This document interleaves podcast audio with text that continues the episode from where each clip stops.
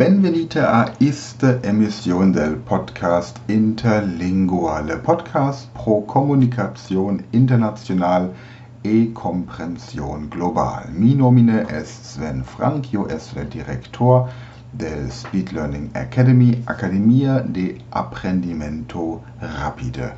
Wir widmen uns der Lektion 10 unseres Sprachkurses Interlingua Instrumento Moderne de Kommunikation International von Ingvar Stenström und ich lese den Lektionstext wieder laut vor. Anschließend gehen wir ihn gemeinsam durch. Lektion Dece, decime Lektion. Le die de Hugo, duo, travaglio. Ante le comenciamento de lecciones al universitate resta un hora durante le qual ille studia un libro de medicina.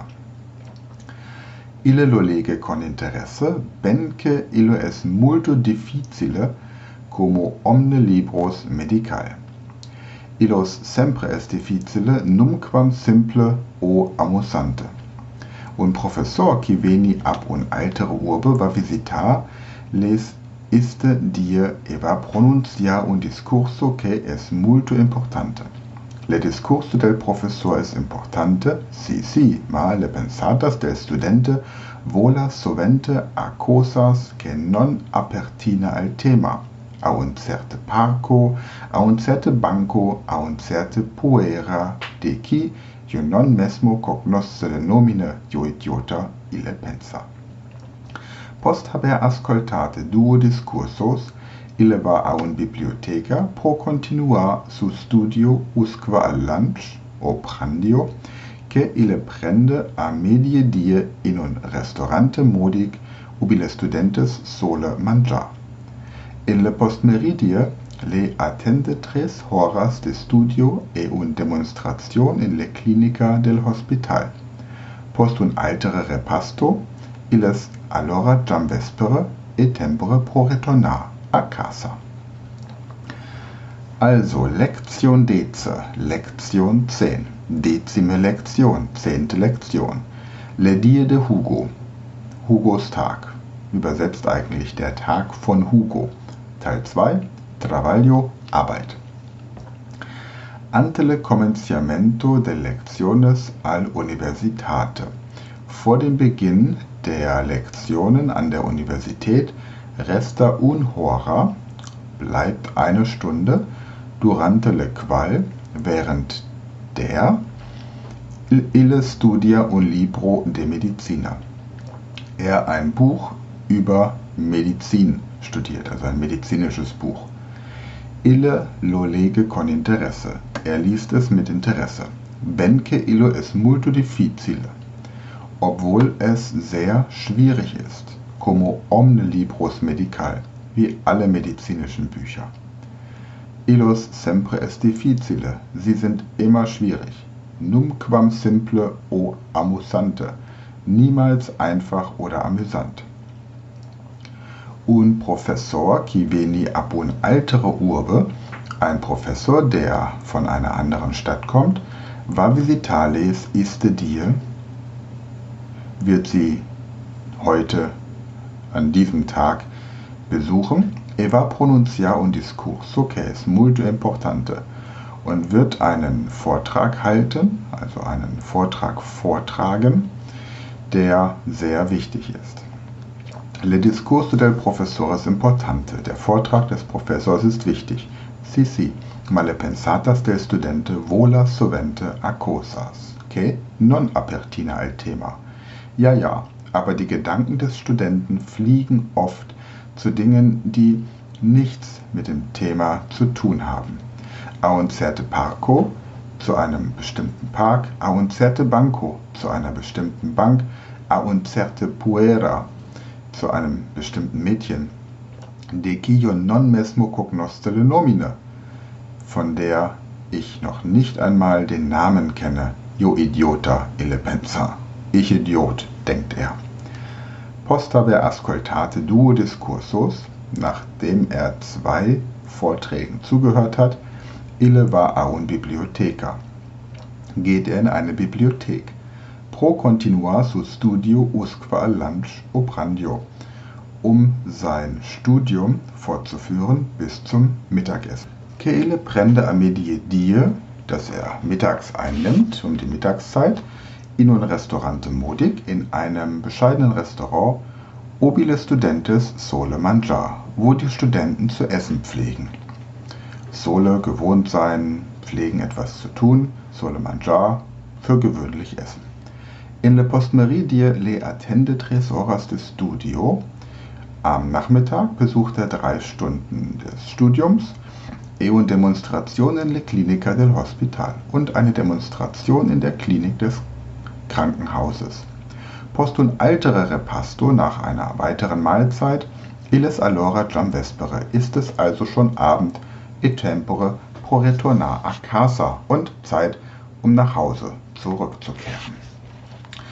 Gut, ansonsten gibt es jetzt hier bei dem kleinen Grammatikteil anschließend Phrase struktural, also die verschiedenen Zeiten, Nominativ, Genitiv, Dativ, Akkusativ und die weiteren Grammatikerklärungen für die Lektion 10 findest du hinten im Buch ab Seite 88. Da sind auch die entsprechenden Vokabeln. Prima. Also, das war es soweit für heute. Übrigens hat diese, diesen Monat die Zeitschrift Panorama, das ist die Interlingua-Zeitschrift, über unseren Podcast hier berichtet. Das ist also die Ausgabe Martio April Dumiles Winte, also 2020. Und ich lese mal ganz kurz vor. Das wirst du wahrscheinlich schon verstehen. Hier steht auf Seite 13 der Zeitschrift Ambiziose Podcast in Germano. Un ambiziose podcast con trenta lecciones de interlingua pro omnes qui parla o comprende germano es un realitate. Le 10 de april esseva le premiere del podcast Interlingua create e presentate per Sven Frank qui inter 2010 e 2014 esseva le presidente dell'Union Mundial pro Interlingua.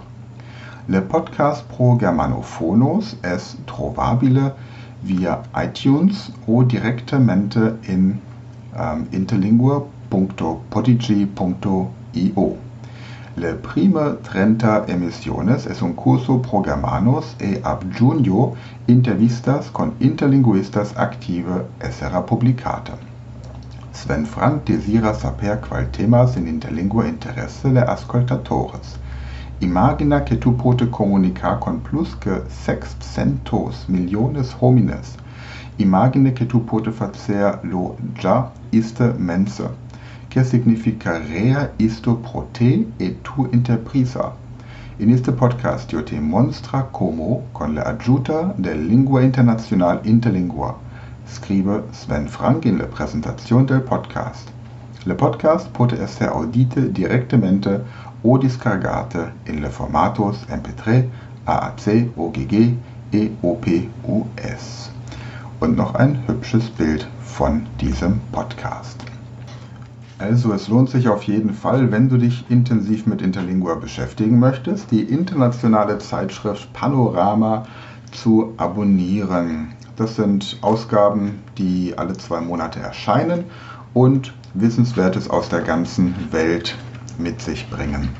Das ist auch ein ganz ausführlicher Teil über das Coronavirus, das wir im Moment gerade überall auf der Welt als großes Thema haben in Interlingua. Das gibt so einen Überblick, wie es ebenso auf der Welt aussieht. Die Ausgabe März, April ist jetzt wie gesagt rausgekommen und du kannst das abonnieren auf interlingua.com-panorama. Gibt es einmal in der digitalen Form und einmal in der gedruckten Version. Ja, wenn du mehr wissen möchtest, darüber hinaus noch über Interlingua, dann Gehe einfach auf die Seite interlingua.com und wenn du Interlingua in deinem Unternehmen integrieren möchtest, deine Mitarbeiter schulen lassen möchtest, um mit dem globalen Markt zu kommunizieren und einfach andere Sprachen auch schneller lernen zu können, dann kontaktiere uns gerne auf speedlearning.academy und dann bespreche ich mit meinem Team, wie wir das bei dir am besten machen können.